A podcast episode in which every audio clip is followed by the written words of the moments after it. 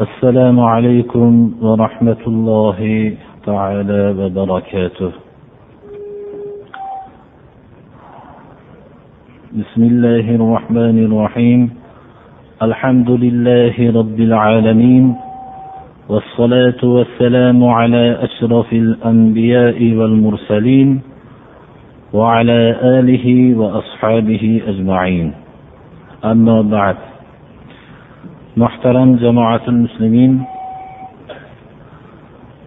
alloh subhanahu va taoloni mana bugungi bizlarga eng muboraklik qilgan juma kuni sayyidul ayyom va hajjul masokin ya'ni kunlarning eng ulug'i va miskinlar hajga borishlikka qodir bo'lmagan kishilarning go'yo hajlaridek bu. O'sha oldingi va'damizga binoan qur'oni karimni bu jamoat tarafidan mayda suralardan boshlanishligi talab qilingan edi. Ana shu suralarni bir ikkita surani baholi qudrat tafsir qilgan bo'luvdik. Shuni davomlaymiz.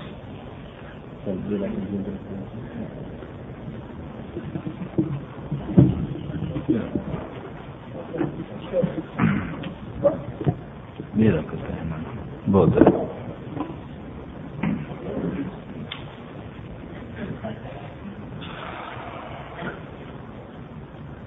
qilmoqchi bo'lgan suramiz navbatdagi suratul ixlos ya'ni qul huvallohu ahad surasi. Qur'oni karimning bir yuz o'n uchinchi surasini tashkil qiladi. Surai ixlos janobi rasululloh sollallohu alayhi vasallam makkai mukarramada turganlardan nozil bo'lgan. Oyatlari to'rt oyatni tashkil qiladi. Bu sura sahih rivoyatlarda kelgandek imom buxoriy rivoyatlarida qur'oni karimning uchdan bir qismiga barobar bo'ladi degan rivoyatlar bor. Abi said roziyallohu anhudan rivoyat qilinadiki bir kishi ikkinchi bir kishining surai ixlos ya'ni qul huvallohu ahad surasini takror takror qilib tilovat qilayotganligini eshitdi. Ertamanda janob rasululloh sollallohu alayhi vasallamning huzurlariga borib mana shu suraning ko'p takror qilib o'qiyotganligini aytib go'yoki faqat bu surai ixlosni tilovat qilyapti boshqani tilovat qilmayapti degandek bir oz sanagandek bo'ldi. Payg'ambarimiz sallallohu alayhi vasallam aytdilarki والذي نفسي بيده إنها لتعدل ثلث القرآن ruhim qudrat qo'lidagi bo'lgan zotga qasam ichib aytamanki surai ixlos qur'onning uchdan biriga barobar bo'ladi dedilar bu so'zning ma'nosini biz anglashligimiz uchun qur'oni karimning oyatlari bu yerdagi ichidagi mazmunlarni agar biz tilovat bilan tadabbur qilar ekanmiz. Bu so'zning ma'nosini qisman anglaymiz. Janobi rasululloh sollallohu alayhi vasallam payg'ambar bo'lgan vaqtlarida tamomiy olam bu shirk kasaliga mubtalo bo'lgan edi. Shirk kasaliga mubtalo bo'lgan xususan arab xalqlarining ana shu quraysh viloyati shu yerda joylashgan jaziratul arabdagi shirkni hech bir ta'riflab bo'lmaydigan daraja edi. Mana qur'oni karim ana shu holatlarni bayon qilib ularning ollohni inkor qilishmasdi ular arablar. Ular lekin alloh taolo o'zi qur'onda sifatlagan o'tgan muqaddas kitoblarda sifatlagan haqiqatlarini bilishmasdi. Ular ollohga shariklar isbotlashardi. Ollohni haqiqiy qadrlashmasdi. Ollohga haqiqiy ibodat qilishmasdi. Ular o'zlari ollohga bobolariga ramzlar qilib olishgan ana shu solih o'tgan bobolarini dan madadlar so'rashib ollohga sharik qilib olishgan edilar. Ba'zilari bo'lsa farishtalarni ollohning qizlari deb davo qilishardi. Ana shu narsalar bilan arab jazirasi shunday shirk kasaliga mubtalo bo'lgandi. Qur'oni karim ularni alloh taoloni koinoti yerga yaratganligiga iqror bo'lganligini alloh taolo bu oftobu oylarni butun o'zining hukmiga bo'ysundirganligini va osmondan suvlarni tushirganligini hammasini kitob qur'onda bayon qiladi. Agar ulardan so'rasangiz koinoti yerni kim yaratgan desangiz va oftobu oylarni kim bo'ysundirgan deb so'rasangiz ular olloh bo'ysundirgan deb aytishadi. Mana osmondan suvni kim tushirgan suv suvlar bilan yerdagi tamomiy o'simliklar olamini kim masalan e, tiriltirgan deb so'rasangiz olloh deyishadi. Va ular qasamlarda ham vallohi tallohi deyishadilar. Duolarda ham ollohimma ya'ni yo olloh deb iltijo qilib duo qilishardilar.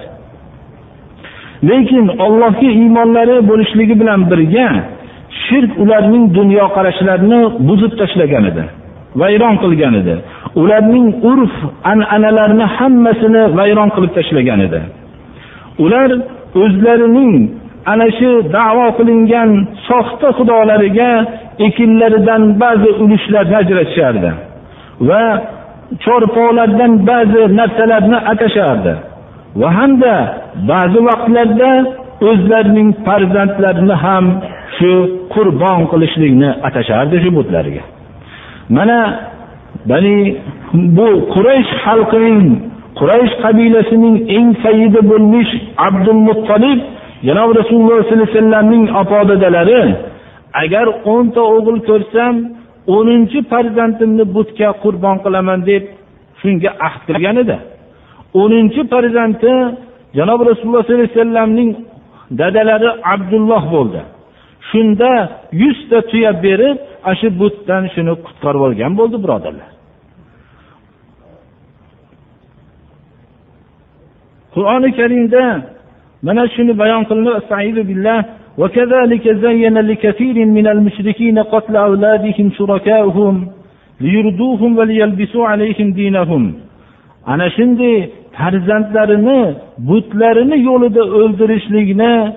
ularning butlari ziynatlik qilib ko'rsatdi. Mushriklarga deb shu bayon qilingan mana shu. Mana shu davrda shu makka muhitida xullas shirk bilan g'arq bo'lgan butun bashariyatga alloh subhanahu va taolo ana shu sura ixlos ana shu davrda tushgandir. Sura ixlos janobi rasululloh sollallohu alayhi vasallamni faqat qur'oni karimni shu kim tarafidan tushirilayotganligini bildiruvchi qul kalimasi bilan rasululloh sollallohu alayhi vasallamda biror so'zni o'z ixtiyorlari bilan aytishlik huquqi yo'qligini ifodalovchi kalima bilan boshlanar ediki yo muhammad alayhissalom ayting. Ollohning yakkaligini ayting.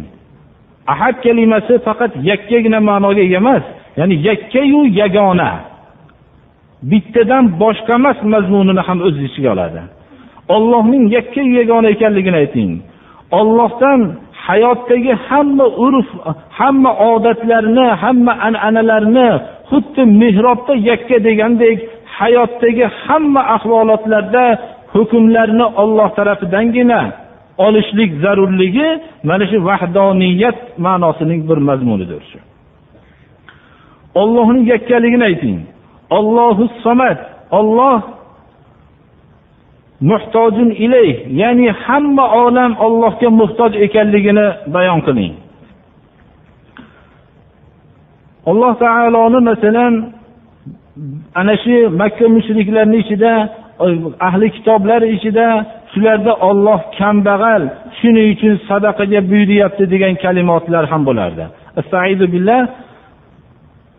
لقد سمع الله قول الذين قالوا إن الله فقير ونحن أغنياء alloh subhanahu va taolo ollohni kambag'al deganlarning so'zini eshitdi o'zlarining badavlat degan odamlarning so'zini eshitdi degan mana shu kalimotlar hatto alloh subhanahu va taolo tarafidan bandalarning sirf manfaatlari uchun bo'lgan sadaqotlarni ham olloh kambag'allik uchun so'rayapti degan mushriklar ko'p edi Mana shu shuning uchun alloh taolo allohu somat ya'ni ollohga hamma muhtoj har bir daqiqada muhtoj yashashda muhtoj yemoqda muhtoj har bir hayot yo'lini tanlab olishlikda muhtoj biror daqiqa biror soniya yo'qki ollohga ehtiyotsiz o'tkazadigan bandani.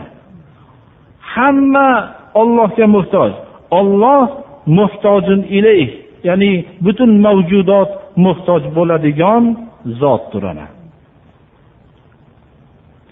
makka mushriklarni ichida ollohning masalan shu farishtalarini al malaikatu banatulloh farishtalar ollohning qizlari degan shunaqa mushriklar toifasi bor edi.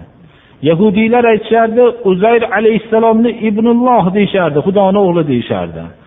Nasorolar bo'lsa iso alayhissalomni xudoni o'g'li deyishardi. Mana shu narsalarni hammasini rad qilib sura ixlos lam yalid va lam yulad. Ya'ni alloh taoloni farzandi yo'q.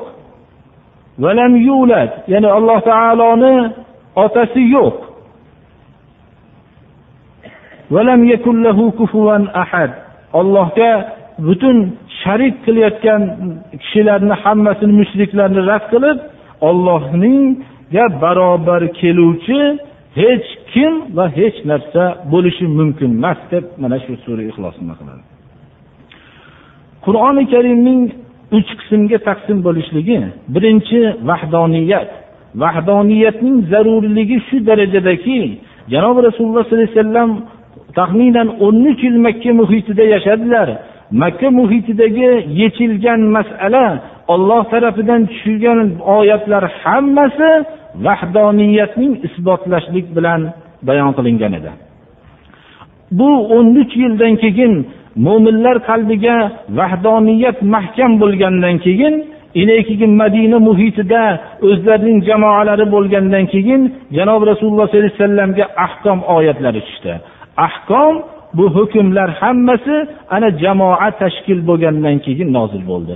o'n uch yil davr faqat bir masala u ham bo'lsa vahdoniyat haqida tushdi bunga ishora qiluvchi qissalar bayon qilingan oyatlar ham shu vahdoniyatni isbotlashlikka misol tariqasida olib kelindi. Ikkinchi yana bir qismi qur'onda bu hukmlar qismini tashkil topadi va qissalar qismini tashkil topadi. Vahdoniyat ana shu qusuri ixlosning uchdan biri qur'onni deyishligimiz asosiy qismini tashkil topganligidandir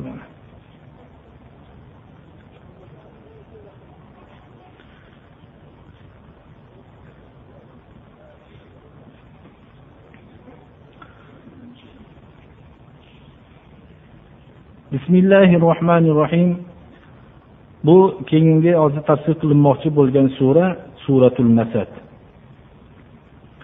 Masad deb bu xurmo po'stlog'idani masad deydi. Janobi rasululloh sollallohu alayhi vasallam makkada turganlarida nozil bo'ldi.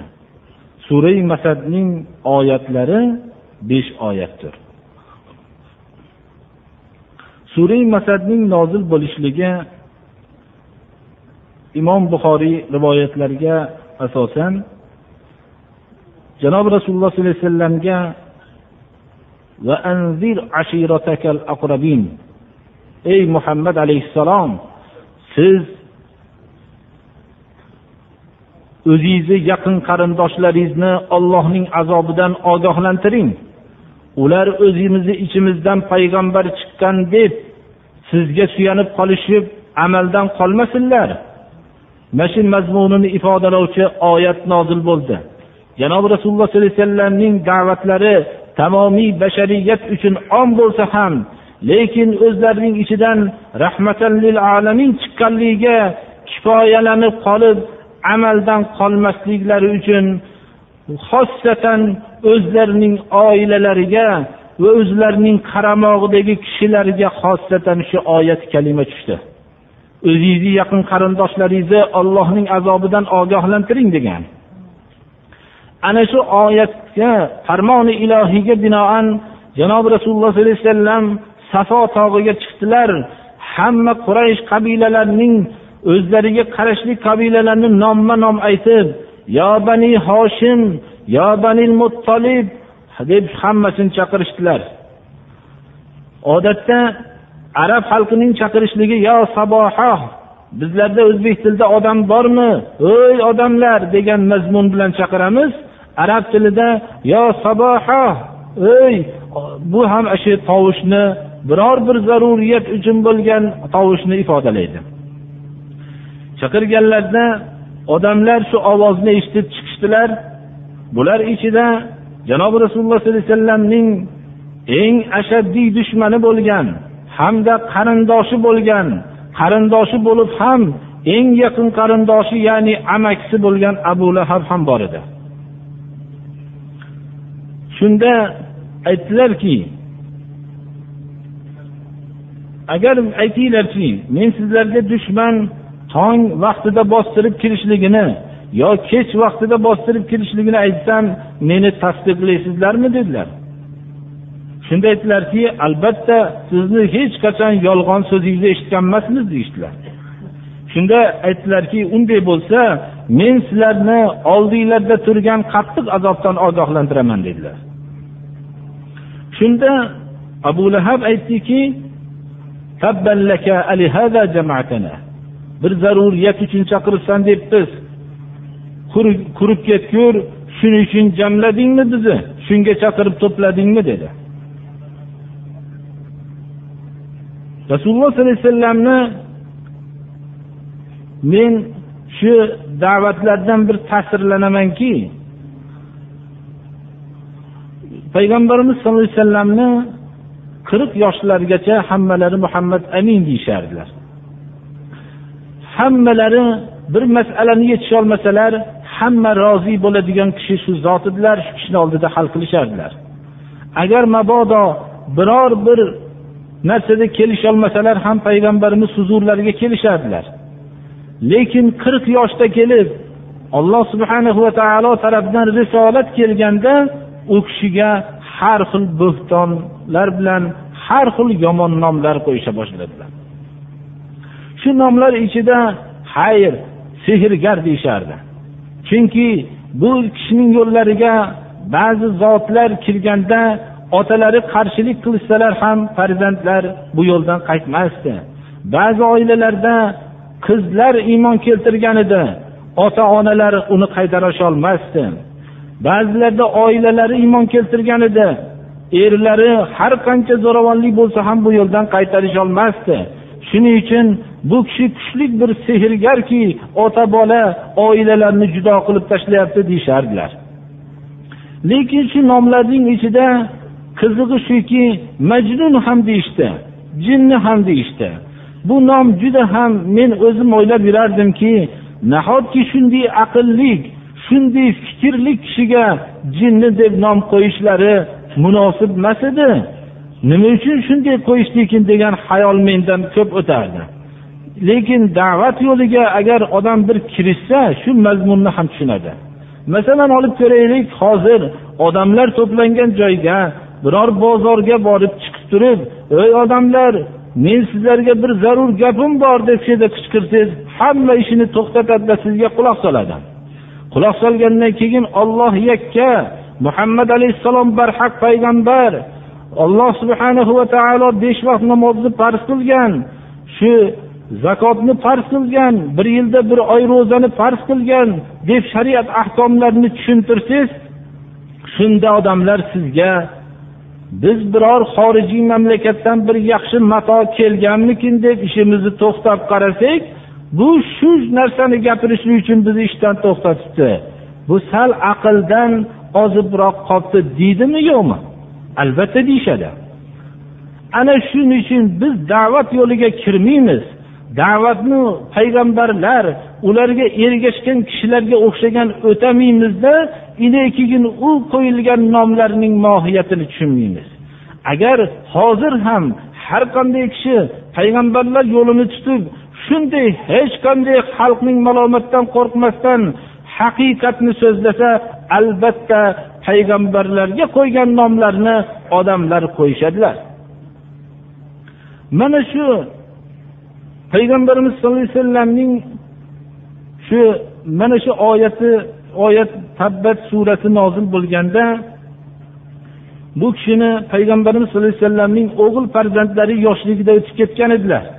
Shuning uchun makka mushriklari qo'yinglar da'vati bilan qo'yib qo'yaveringlar. Ular o'g'il farzandlar bilan faxrlangan davrlarda johiliyat axloqlarida edi qizlarini ko'mishib tashlashardi oriyat qilishib. Shuning uchun o'g'il farzandlari yo'q buni o'tib ketyapti. Yaqin kunda o'zini nom nishoni yo'qib ketadi deyishardilar. Payg'ambarimiz sallallohu alayhi vasallam har qancha ulug' zot payg'ambar bo'lishlariga qaramasdan baribir inson edilar. U kishida ham inson qalbi bor edi. Ana shu qalblariga ma'lum bir miqdorda ularning nom nishoni yo'qolib ketadi degan so'zlari ta'sir qilsa ta'sir qilgan bo'lsa kerakki alloh subhanahu va taolo mana shu sura tabbatni nozil qilib u kishining qalblarini yumshatib u kishini yupatardilar ana shu voqeani bilganimizdan keyin mana shuni tafsir qilamizki تبت يدا أبي لهب وتب ما أغنى عنه ماله وما كسب abu lahabning abu lahabning qo'li uzilsin Uzildi ham. Va tabba keyingi tabba avvalgi tabba jumlai duoiya bo'lsa keyingi tabba voqeda bo'lganligini shunday uzilishligi aniq ekanligini uning halok bo'lishligi aniq ekanligini ifodalayapti abu lahabning qo'li uzilsin uzildi ham u. Siz bunga g'amgin bo'lmang sizni qo'li uzilsin deb sizni haqorat qilib so'kkanlariga yo rasululloh deb alloh taolo shu oyatni tushunyapti uning topgan moli davlati unga foyda yetkaza olmadi. Uning qilgan sizga aziyat berishlik uchun qilgan fitnalari foyda yetkaza olmadi. Ana shu fitnalarda janob rasululloh sollallohu alayhi vasallamning bu abu lahab shunday o'zining botiliga shunday haris ediki qayerda muhammad alayhissalom da'vat qilsalar orqasidan da'vatlardan keyin o'rnidan turib buni tasdiqlamanglar buni yo'li noto'g'ri deb orqasidan doim to'xtamasdan borib yurardi. Uning ish qilgan mehnatlari foyda yetkaza olmadi o'ziga. U yaqinda o'zi shunday alangali bo'lgan o'tga yaqin kunda kiradi. Uning ayoli ham kiradi. O'tin ko'targan holatda bo'ynida xurmo po'stlog'idan to'qilgan arqon bilan holatda kiradi buni. Bu abu lahabning ayoli ummu jamil tinimsiz rasululloh sollallohu alayhi vasallamga aziyat berishlikda o'zining eri bilan doim sharik bo'lib yurardi. Qayerga bo'lsa ayollar majlisida payg'ambarimiz sallallohu alayhi vasallamni kamsitib shunday qilib yurardi. Ana uning shu ayolini ham bu yerda keltirilayotganligi mana shu mazmunni ifodalaydi. Bo'ynida ya'ni shu u davomiy fitna o'tini yondirib yurganligi uchun oxiratda uni o'zini azobini kuchaytiradigan butun bo'yniga fitna o'tini kuchaytirganligi uchun bu oxiratda uni azob o'tini kuchaytiradigan xor holatda do'zaxga kiradi. O'tin ko'targan holatda va ini azobdan qochishlikka imkoniyati yo'q bo'lib arqon yelkasida bo'lgan holatda bo'lishligi xorlikdan kinoya.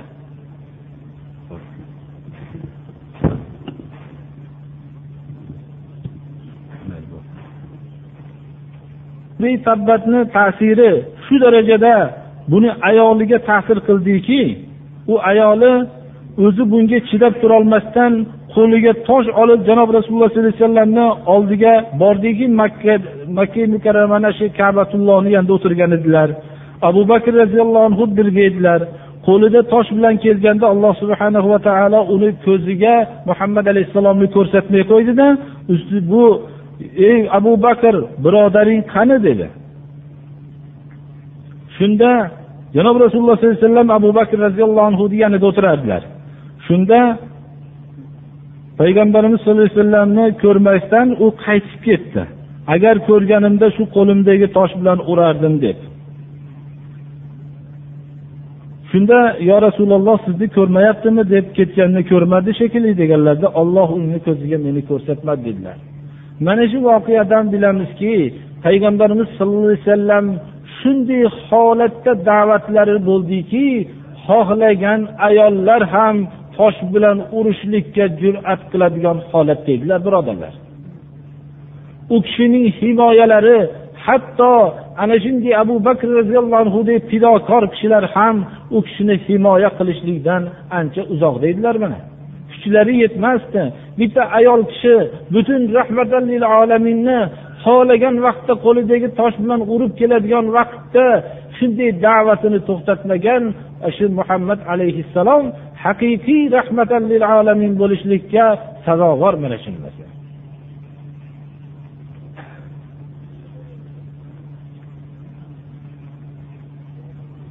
chunki u kishi shunday aziyat chekib turgan vaqtlarda alloh subhanahu va taolo o'zini himoyasiga olib abu lahab qo'li qurisin quridi ham uning hech qanday moli davlati unga foyda bermaydi.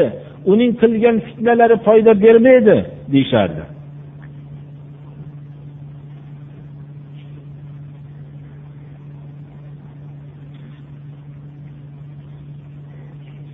Bir yuz o'ninchi surasi suratun nasr deb aytiladi.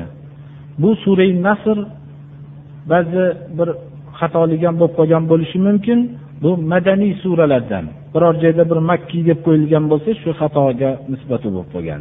janobi rasululloh sollallohu alayhi vasallam madina munavvarada turganlarida nozil bo'lgan fathi makkadan ilgari oyatlari uch oyat bismillahi rohmanir rohim إذا جاء نصر الله والفتح ورأيت الناس يدخلون في دين الله أفواجا فسبح بحمد ربك واستغفره إنه كان توابا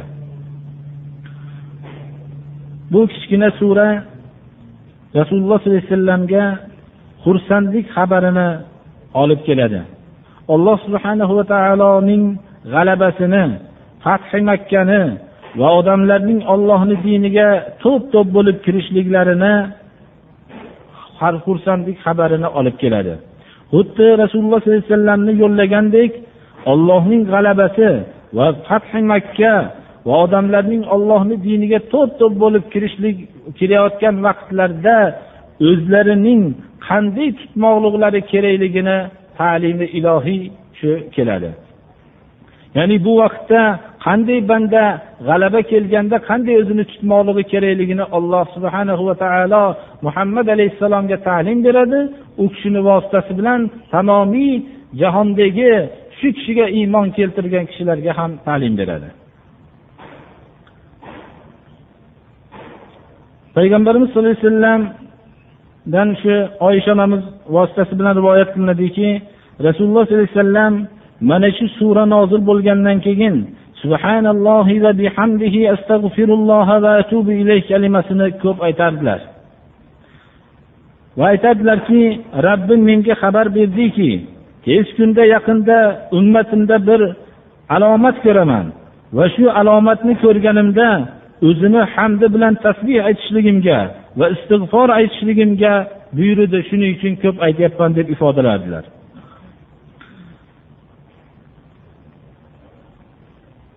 Payg'ambarimiz sallallohu alayhi vasallamning davridagi mushriklar u kishiningga iymon keltirmaganlari kutib turishardilarki agar o'zi haydalib chiqqan vatanidan haydalib chiqqan bo'lgan shu makka mukarramani qaytib shu yerga g'alaba qilsa haqiqiy payg'ambar bo'ladi ine iymon keltiramiz deb kutishib turardilar.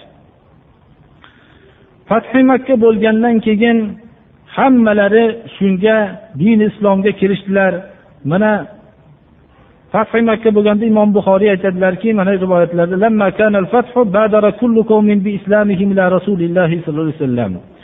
fathi makka bo'lganda hamma millatlar islom keltirishlik bilan rasululloh sollallohu alayhi vasallamning huzuriga shoshildilar.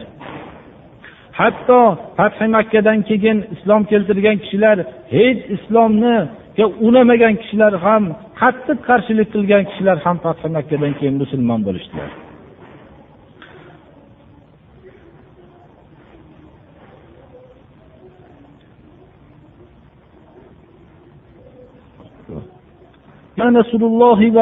Surasining avvalida shu yerdagi suraning o'zi qisqa jome bo'lishligi ollohning g'alabasi kelgan vaqtda xususan g'alabalarning eng asosiysi bo'lgan fathi makka kelganda odamlarning ollohni diniga to'p to'p bo'lib kirganini ko'rganingizda deb rasululloh sollallohu alayhi vasallamga marhamat qiladiki ollohning g'alabasi bu kelishligi nusrat bu ollohni nusrati. Odamlarning g'alabasi emas bu. G'alabani odamlar olib kelmaydi. Odamlar g'alabaga loyiq bo'lishliklari bilan olloh tarafidan g'alaba kelishligini ifodalayapti. Agar odamlar g'alabaga loyiq bo'lishmasalar xudo tarafidan g'alaba kelmaydi. G'alaba odamlarning g'alabasi emas ollohning g'alabasi ekanligini ifodalayapti. Va ollohning g'alabasini kelishligining vaqti bor. Odamlarning shoshilishligi bilan u g'alaba shoshilib erta kelmaydi. Va shunda odamlarning ollohni diniga to'p to'p bo'lib kirayotganligini ko'rganingizda biz kutamizki jazoni fafrah xursand bo'ling degan mazmunini bildirilishligini bu g'alaba kelganda banda xursand bo'lishligi kerak degan hayolimizga keladi. Bu janobi rasulullohga g'alaba kelganda o'zini qanday tutishlikni ta'lim beryaptiki? Rabbingizni hamdi bilan olloh e, rabbingizni poklang va ollohga g'alabani o'zingizdan ko'rib qolishlikdan istig'for ayting. Bu qiyinchilik vaqtlaridagi sabr qilishlik mumkin. Va g'alaba kelgan vaqtda sabr qilishlik har kimga muyassar bo'lmaydi. G'alaba vaqtda davlatlar bo'lganda hamma narsa muhayyo bo'lganda bunga sabr qilishlik har kimga muyassar bo'lmaydi. Bunga shunday ta'limi ilohiyni mustahkam egallagan payg'ambarlarga ularga ergashgan kishilargagina muyassar bo'ladi. Payg'ambarlar tormoniga bir nazar tashlasak mana o'tgan payg'ambarlar ham o'zlarining ana shu ta'limi ilohiy bilanga shunday muqayyat qilishdilarki ularga kelgan g'alaba kelganlarda ular o'zlarining muvozanat holatlarini saqlab qolishdilar. Yusuf alayhissalomning odoblari ham shunday bo'ldiki yusuf alayhissalom yoshliklarida ko'rgan tushlarini muhaqqaq bo'lib ro'yobga chiqqanda ota onalarini taxtaga ko'tarib ular hammasi aka ukalari bu kishiga shukur ya'ni salom sajdasini qilishganlarida shunda biror marta meni shuncha azob beruvdinglar men shunday qiyinchiliklarni menga ko'rsatuvdinglar mana hammanglar taslim bo'lib keldinglar degan so'zni aytmadilar.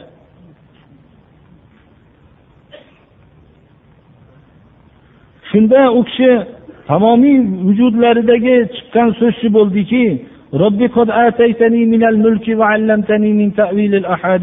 xudoyo bu mulkni o'zing berding. Menga butun bu tushlarni tavil qilishlikni bu ilmini o'zing berding. O'zing koinoti yerni yaratuvchisan.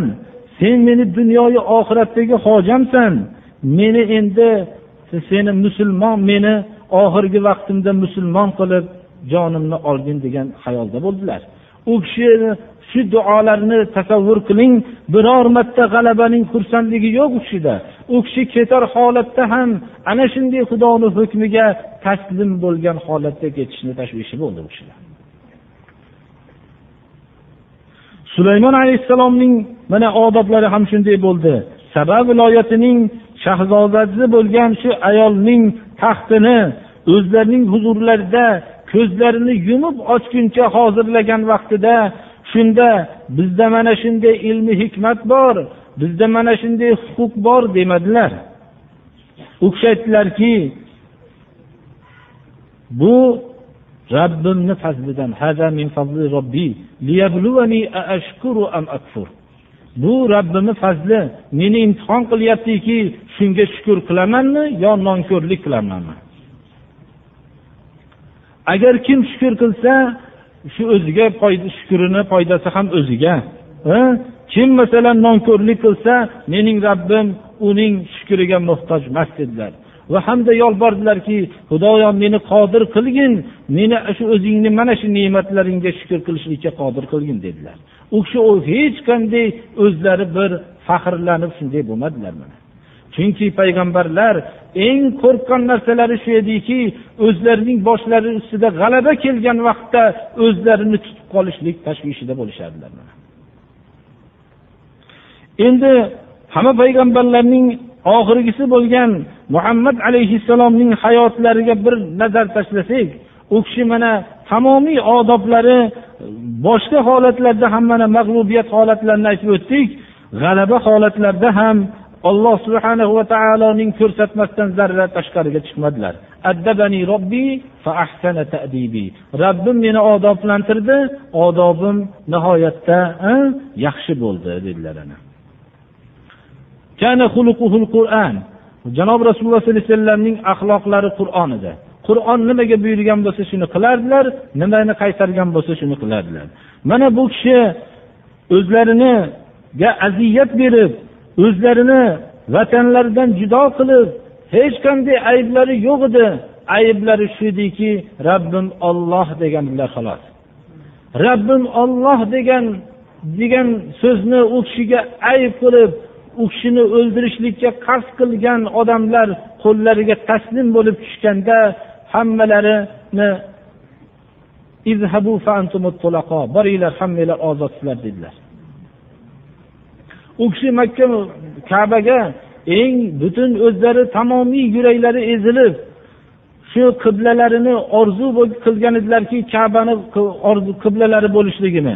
Ana shu kabai muazzamaga shunday ro'baro kirib kelayotganlarida tuyalarining qoshi egarini qoshiga boshlarini quyi qilib ana shu yerda o'zlarining tasbihlari bilan ovora bo'lib kirdilarki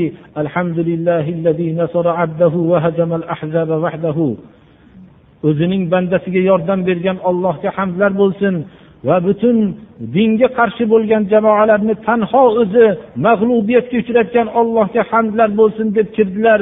Biror marta men mana shu g'alabada sharikman demadilar o'sha yerda. Biror marta meni qo'limga tushyapsizlar hammanglar bilan gaplashaman demadilar shu yerda. Ana payg'ambarlarning odoblari hammasi alloh subhana va taoloning ko'rsatmasidan zarracha chiqqan emas. Ular o'zlarining mana shu tamomiy hayotlarida zarracha bir ollohning ko'rsatmasidan chiqishlikni chiqib qolishlikni tashvishidan qariganlar hammalari. Ularni qaritgan narsa dunyo tashvishlari bo'lmadi. Ana shu istiqomat qaritdi ularni. Mana aytdilarki dedilar. Hud surasi meni qaritib yubordi dedilar. Sura hudda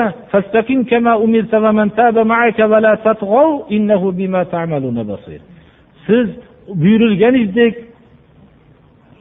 shunday buyurilganingizdek mahkam turing.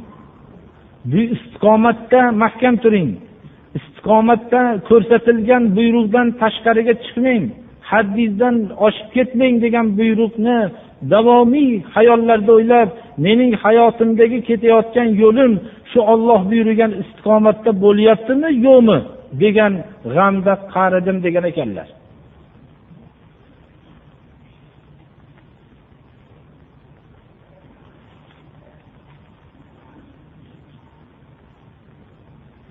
Bu nafl namoz o'qiganlarda ham tamomiy rukularda subhanallohi va bihamdihi astag'firulloh va atubu ilayhni doim qo'raganlar chunki alloh taolo shu chunki makka madina muhitidagi hayotlari g'alabani tashkil qilgan edi.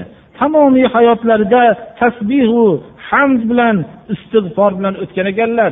Istig'for qaysi istig'for? Ana shu g'alabadan g'alabani o'zidan ko'rib qolishlikdan istig'for. Birodarlar shuning uchun mabodo biz bir uch to'rtta odamni yo'lga solib qo'ysak yo bir ta'lim berib qo'ygan bo'lsak ba'zi narsalarni yo'lga tushuntirib haqiqatni bildirib qo'ygan bo'lsak ana shuni biz albatta shuni ollohdan ko'rishimiz kerak shu narsani. Bu g'alaba ollohni g'alabasi. Agar odamlarning hidoyat qilishlik bizni ixtiyorimizda bo'lganda hammamiz o'zimiz yaxshi ko'rgan kishilarni to'g'ri yo'lga solgan bo'lardik mana bu hidoyatga juda katta bir mukofot tayin qilyaptiki hazrati alini janobi rasululloh sollallohu alayhi vasallam yamanga bir viloyatga hidoyat uchun jo'natayotganlarida shu odamlarni yo'lga soling deb jo'natayotganlarida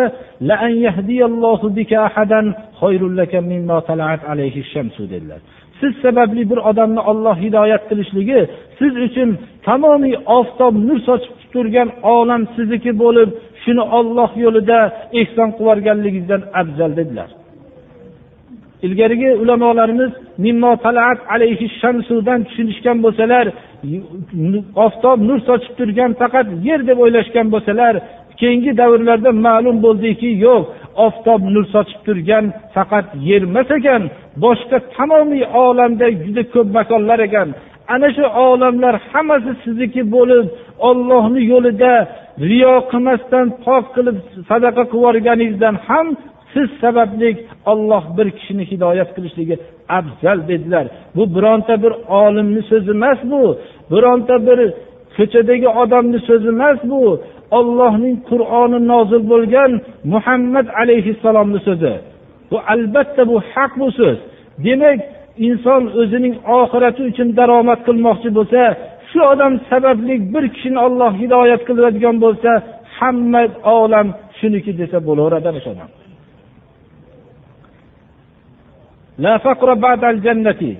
jannat qo'lga kelgandan keyin kambag'allik yo'q. Bir odam jannatga kiradigan holatda yashayotgan bo'lsa u hech qachon muhtojman demasin. Ammo agar do'zaxi bo'ladigan hayot bilan o'tkazayotgan bo'lsa hayotini do'zaxga muvofiq qilib ketayotgan bo'lsa u odam badavlatman demasin odam. U odamda hech narsa yo'q ekan. Shunday tushunishimiz kerak. Agar jannatga muvofiq hayot kechirayotgan bo'lsa hamma narsasi bor odamni. Biz olamdagi narsalarni o'zimizning tarozimiz bilan o'lchamasligimiz kerak.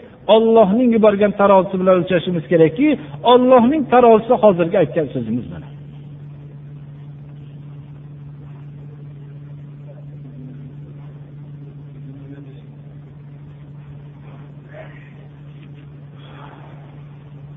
الله الرحمن الرحيم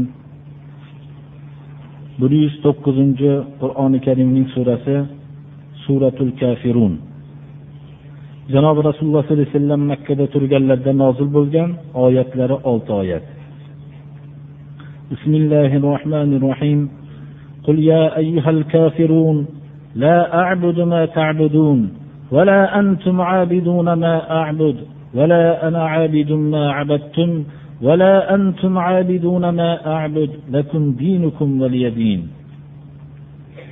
mana hali aytib o'tganimizdek arablar ollohni inkor qilmasdi arablar ollohga unashardi unashib ham koinoti yerni yaratgan olloh deyishardi oftobu oylarni yulduzlarni bo'ysundirgan olloh deyishardi lekin ular ollohga ko'p shariklar isbot qilishardi. Yahudiylar aytib o'tganimizdek uzar alayhissalomni ollohni o'g'li deyishardi. Nasorolar iso alayhissalomni ollohni o'g'li deyishardi.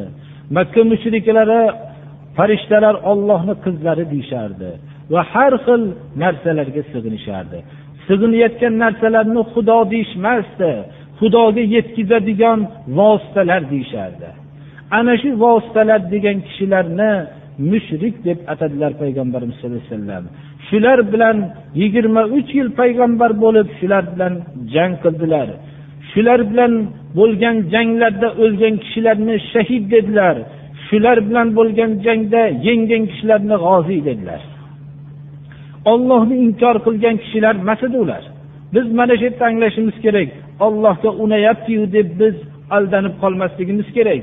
Ollohga unashlik bilan islom komil bo'lmaydi. Shirkdan saqlanmoqligimiz kerak. Har qanday gunohni olloh kechadi. Mana innalloha la yaghfiru an yushraka bihi va yaghfiru ma duna zalika liman yasha. Va man yushrik billahi faqad dalla dalalan mubina. Alloh taolo shirk keltirishligini o'ziga birovlar sharik qilishligini kechmaydi. Ammo uni buyog'idagi gunohni xohlagan bandasinikini kechiradi. Agar xohlasa kim ollohga sharik isbot qilgan bo'lsa ochiqdan ochiq adashib tushadi ana shu kishilar janob rasululloh sollallohu alayhi vasallamning oldilariga kelishib bu kishi bilan tinch ahvolda yashaylik bu hamma yoq to'polon bo'lib ketdi degan mazmunda kelishib mollarimizni beraylik tinch yashaylik. Agar maqsadingiz mol to'plash bo'lsa agar peshvo bo'lishlik maqsad bo'lsa hammamizni peshvoyimiz qilib olaylik. Sizsiz bir ish qilmaylik deyishardilar. Mabodo insonchilik bir dard tegib gapirayotgan bo'lsangiz tabiblarimizni mohir tabiblarimizni chaqirib yo'lga solaylik deyishardilar. Qarang mana. Bu kishi juda ko'p bu muborak qalblari alamlanardi. Masalan siz bir odamlar uchun faqat bir yaxshilikni maqsad qilib tursangiz odamlar sizga shunday narsalarni ro'baro qilsa juda bu narsani alamlanadi. Lekin bizlarning maqsadimiz ko'plari moddiy maqsad bo'lganligi uchun moddiy manfaatlarni ko'zimizni oldimizga keltirganda biz alamlanmaymiz shuning uchun agar haqiqiy dindor bo'lsa haqiqiy odamlarning hidoyati uchun haris bo'lgan odam bo'lsa moddiy manfaat bilan aldayotgan kishilarga nihoyatda qalbi alamlanadi. Shunday bo'lsa. Mana shunday vaqtlarda payg'ambarimiz sallallohu alayhi vasallam bular bilan tilovat qilib berardilar. Bular u so'zlardan qaytishmasdi. Yana murosa qilishlikning yangi yangi vositalarini o'ylab chiqishardilar. Aytishardilarki biz ham sizning ibodatingizga sharik bo'laylik. Biznikiga ham goho sharik bo'ling deyishardilar. Biz ham sizni ibodatingizni qilaylik biznikini ham qiling goho deyishardilar. Ana shunda bu dini islom nima ekanligini alloh subhana va taolo surai kafirunda bayon qildi. Surai kafirunda avvalidagi qul degan kalima ayting yo muhammad alayhissalom degan so'z shuni ifodalaydiki bu dini islomni aytayotgan zot o'zi dini islomni tuzishlikda ixtiyorli emas.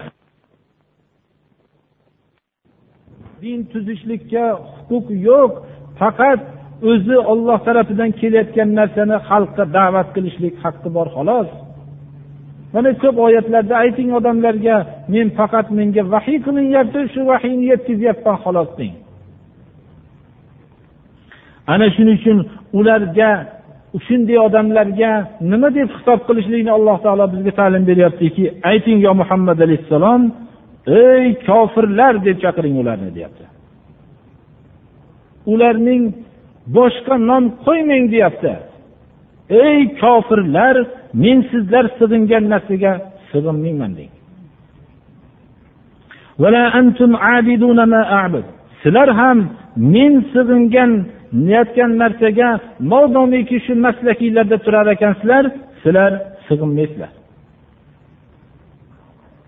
Arab qoidasida jumla ismiya istimror ya'ni davomatni ifoda qiladi degani. Keyingi oyatda bu jumla ismiya bilan kelyapti mana qoida bilgan kishilar men hargiz hech qachon qiyomatgacha hech qachon men sizlar ibodat qilgan narsaga men ibodat qiluvchi emasman. Ibodat qilish surati menda sizlar ibodat qilayotgan narsaga ibodat qilish surati menda topilmaydi. Sizlar ham modomiki maslakiylarda turar ekansizlar men ibodat qilayotgan narsaga sizlar ham hech qachon ibodat qilgan bo'lmaysizlar. Agar o'zinglarni yo'linglarda tursanglar. Sizlarni kufriylar diniylar o'zinglarga meni dinim islomim ya'ni o'zimga. O'rtamizda hech qachon hozirda ham bog'lanish bo'lmaydi. Modomiki sizlar maslakinglarda yursanglar men bilan ham kelajakda ham mening ummatlarimda ham bog'lanishi bo'lishi mumkin emas modomiki meni ummatim bo'lsa deyaptilar. Bu mana shu narsa dinga da'vat qiluvchilarning shu surai kafirun surasi nihoyatda yodlarda bo'lishi kerak. Mana halolni harom qilgan haromni halol qilgan sulhlar hammasi botil bo'lishi kerak dinga da'vat qilayotgan odamda. Hech qachon halolni harom qilgan haromni halol qilgan sulhda ishtirok etishlik mo'minni fe'li emas bu narsa chunki mo'min odam o'zi biladiki o'zi tilovat qilayotgan qur'on o'zi o'qiyotgan hadislar bu so'zlar hech qanday o'zi tarafidan emas ekanligini yaxshi anglaydi.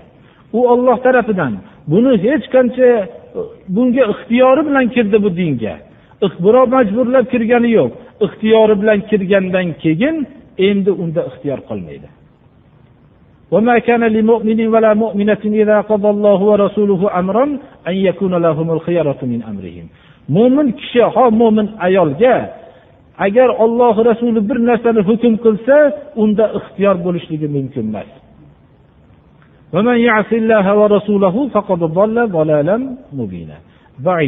Ya'ni kim agar olloh rasuliga osiy bo'lsa u uzoqdan uzoq haqiqatdan juda ham uzoqqa ketib adashibdi mana.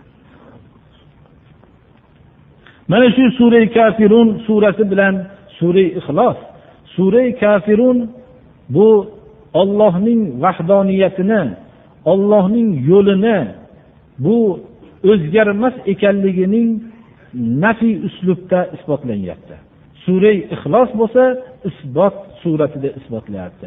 Shuning uchun janobi rasululloh sollallohu alayhi vasallam har kuni tong ottirib bomdod namozining sunnatiga birinchi rakatiga qul ya ayyuhal kafirunni ikkinchi rakatiga sura ixlosni qo'raganlar. Chunki kunlarining avvalida o'zlarining maslaklarini yana bir bor eslab ular bilan hech qanday noshar'iy narsalarda kelishmasliklarini yana va suri ollohning vahdoniyatini yana bir bor qalblariga birinchi marta eslab olar ekanlar. Mana shu bomdod namozining birinchi rakatiga qul ya ayyuhal kafirun ikkinchi rakatiga sunnatini e, sura ixlosni qul huvallohu ahadning o'qilishligining o'ziga xos bir mazmuni bordir mana buni. Vaqt bormi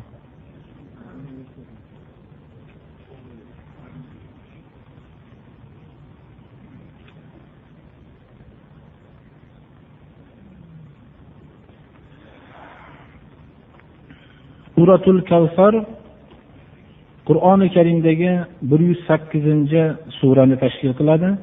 Janobi rasululloh sollallohu alayhi vasallam makkada turganlarida nozil bo'lgan oyatlari qur'ondagi eng qisqa oyatlarning bittasi bo'lgan nasrulloh uch oyat bo'lgandek bu ham uch oyat mana. Bu surai kavsar janob rasululloh sollallohu alayhi vasallamga inshaalloh olloh taqdir qilsa vabbuha surasini ham tafsir qilamiz. o'rni kelganda shu vabbuha surasiga o'xshagan alam nashrohlaka sodrak surasiga o'xshagan janobi rasululloh sollallohu alayhi vasallamning muborak qalblari alamlanganda u kishiga xossatan tushgan suralar jumlasidandir. Mana hali aytib o'tgandek makka mushriklari janobi rasululloh sollallohu alayhi vasallamning so'zlarini da'vatlarni sindirishlik uchun har xil bahonalarni aytishardilar. Shu bahonalarning bittasi hali aytib o'tganimizdek bu kishining o'g'il farzandlarini yoshligida o'tib ketganligi uchun bu kishi nom nishonsiz bo'lib ketadi. O'z holicha qo'yib qo'yaveringlar. Buni shuhratlari yo'qolib ketadi deyishardilar. Bu so'zlar u kishining mana muborak qalblariga ta'sir qilardilar. U kishi inson edilar qanday bo'lsalar. Ham mana shunda alloh subhana va taolo tarafidan shunday u kishini yupantiruvchi shunday oyatlar tushardida yana u kishi bu alamlar qalbi muboraklardan ko'tarilib da'vatlarda davom etardilar. Bu da'vatlarni bu mazmunlarni tushunishlik uchun inson shu bir da'vat yo'liga bir kirsa odamlarning haligi so'zidan tashqariga chiqishib har xil yo'llar bilan kamsitganda bu mazmunlarni oyatlarning qadriga yetib anglay oladi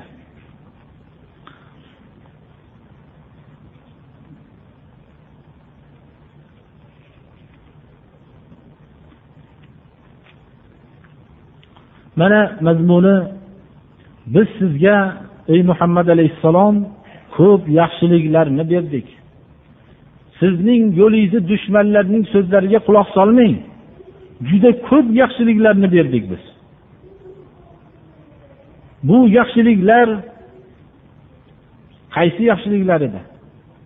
Yaxshiliklarning bittasi eng kattasi nubuvvat edi. U kishi butun bashariyatning qiyomatgacha bo'lgan bashariyatga olloh subhanahu va taolo bilan tamomiy insoniyatning o'rtasida vosita ollohning vahiysi tushib turib shu vahiy ko'rsatmasi bilan tamomiy qiyomatgacha bo'lgan o'zlari ko'rmagan hali insoniyatning hodiy ustozi bo'lishligi payg'ambarlikni bu kishiga bo'lishligi bu hamma yaxshilikdan afzal yaxshilik edi. Yaxshiliklarning bittasi qur'oni karimning. Hech mansux bo'lmasdan mana tamomiy o'tgan kitoblarni hammasini mansux qilib qiyomatgacha bu oya qur'onning davom etishligi bu kishiga tushgan qur'onning. U qur'onda qayerda ollohning zikri kelsa rasulining zikrini kelishligi mana bu yaxshiliklarni iymoni komil bo'lgan kishilargina biladi.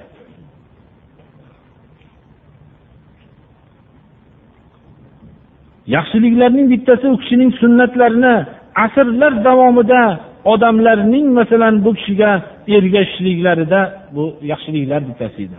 Hatto shunday zotlar bo'ldiki tarixda ahmad ibn hambalning huzurlarida qovun olib kelinganda shu qovunni yemoqchi bo'lib turib rasululloh sollallohu alayhi vasallamning qovunni qanday yeganliklari haqida o'ylab qolgan ekanlar. O'ylab u kishining qovun yeganliklari haqida rivoyatlarda bir asos topolmaganliklaridan umrlarini oxirigacha qovun yeyishlikni tark qilgan ekanlar. Shu shu kishini yeyish holatlariga boshqacha qilmaydi. Siz bir tarixda eshitganmisizlar bir kishi ko'rmagan o'zining ustoziga shu darajada ergashganligini tarixda birov eshitganmi? Bu sahobalarning ergashishlari ularni hammasini qo'ying mana. Hatto rasululloh sollallohu alayhi vasallamning huzurlarida suhbatlarda bo'lgan sahobiylar birdaniga ranglari o'zgarishib qolardilar. Shu u kishini salomatligi haqida so'raganlarida javob berardilarki men yo rasululloh hayolimdan kasalmasman. Sizning gunohlaringizni mag'firat qilinganligi hayolimdan o'tdi. Jannatda sizning martabangizni balandligi esimga tushdi. Mening amallarim sizni amalingizga o'xshagan emas. Men jannatda sizsiz turishligim hayolimga kelib hozir holatim o'zgardi deyishdilar mana bu narsalar hammasi alloh subhanahu va taolo mana millionlab milliardlab og'izlar rasululloh sollallohu alayhi vasallamni doim salovat aytadi. Qur'oni karimda bu kishini masalan ko'p yaxshiliklarning bittasi malail alo ya'ni oliy dargohda bu kishiga doim salovat aytilishligini kim tarafidan?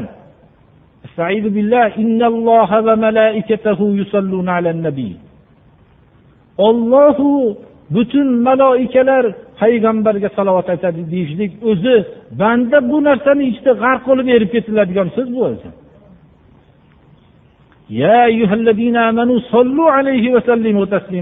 Ey iymon keltirgan kishilar bu payg'ambarga ollohu maloikalar hamma salovat aytyapti. Ey iymon keltirgan kishilar sizlar salovat aytinglar bu kishiga. Sollallohu alayhi vasallam yana man alayya sallallohu lahu ashra marratin. Menga kim salovat aytsa olloh unga o'n bor salovat aytadi deyapti. Bu yaxshilikni qarangki masalan alloh subhanahu va taolo shu tamomiy olamdagi yaxshilikni gapirib tugatib bo'lmaydi. Shuni qisqa bir kalima bilan biz sizga ko'p yaxshilikni berdik. Kavfar kalimasi o'zi ana shuni olloh o'zi ifodalamasa buni banda ifodalanmaydi mana rivoyatlarda bittasida keladiki oysha onamizni rivoyatlarida kavsar jannatdagi bir anhorki bundan ichgan kishi qaytib chanqamaydi degan. Janobi rasululloh sollallohu alayhi vasallam o'zlariga ergashgan o'zlarining yo'lida davom etgan zotlarga mana shu havzi kavsardan suv beradi degan rivoyat bor. Albatta bu sahih. Lekin yana abdulloh ibn abbos shunga aytgan ekanlarki to'g'ri ana shu jannatdagi anhor havzi kavsar ham ana shu payg'ambarimizga berilgan ko'p yaxshiliklarning bittasidir degan ekanlar. Ana biz sizga shunday ko'p yaxshiliklarni berdik. Robbingizga ibodat qiling. Robbingizgagina sig'ining. Sig'inishlikni robbingizga xoslang. Boshqa narsalarga sig'inmang. Vanhar hayotingizni tamomiy butun qurbonlik ibodatlaringizni hammasini ollohni o'ziga xoslang. Chunki makka muhitida juda ko'p so'yadigan narsalarini makka mushriklari butlariga mana bizni davrimizda har xil o'rinlarga atab so'yishganlaridek makka mushriklari ham unaqa so'yadigan joylari ko'p ekan. Qonlari shu yerda to'kilsin degan mazmunda qilishar ekanlar. Shuni raddiga alloh taolo vanhar li robbika faqat robbingizgagina bu so'yishni qiling. Ulamolar yana bir latif ma'noni olishgan ekanlarki bundan vanhar robbingizgagina sig'ining va robbingizni hukmiga o'zingizni qurbon qiling degan mazmunni ham olishgan ekanlar.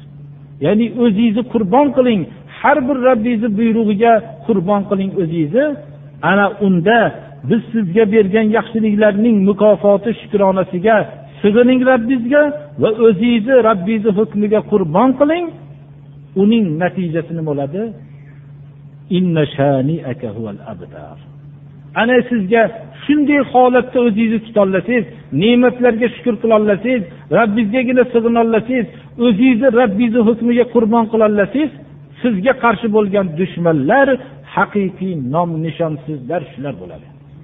Ularning nom nishonlari o'chib yo'qolib ketadi.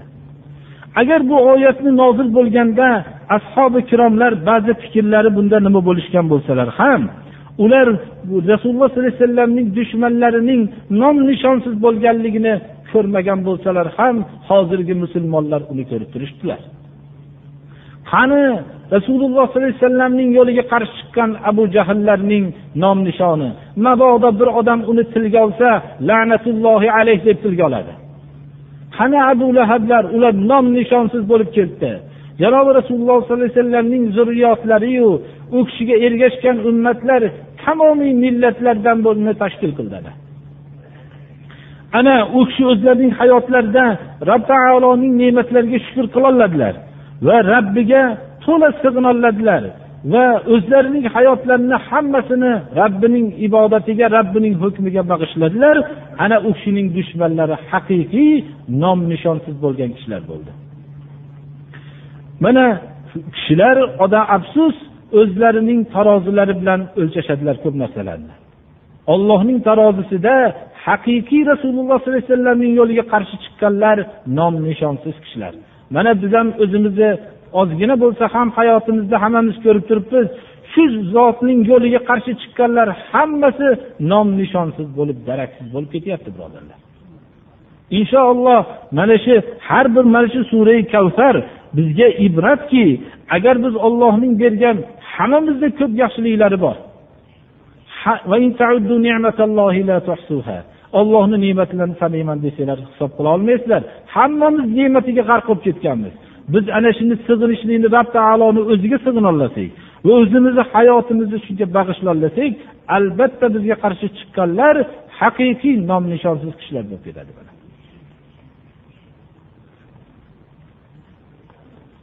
biz mana shu suradan o'zimizni hayotimizni shunday nima qilishimiz kerak.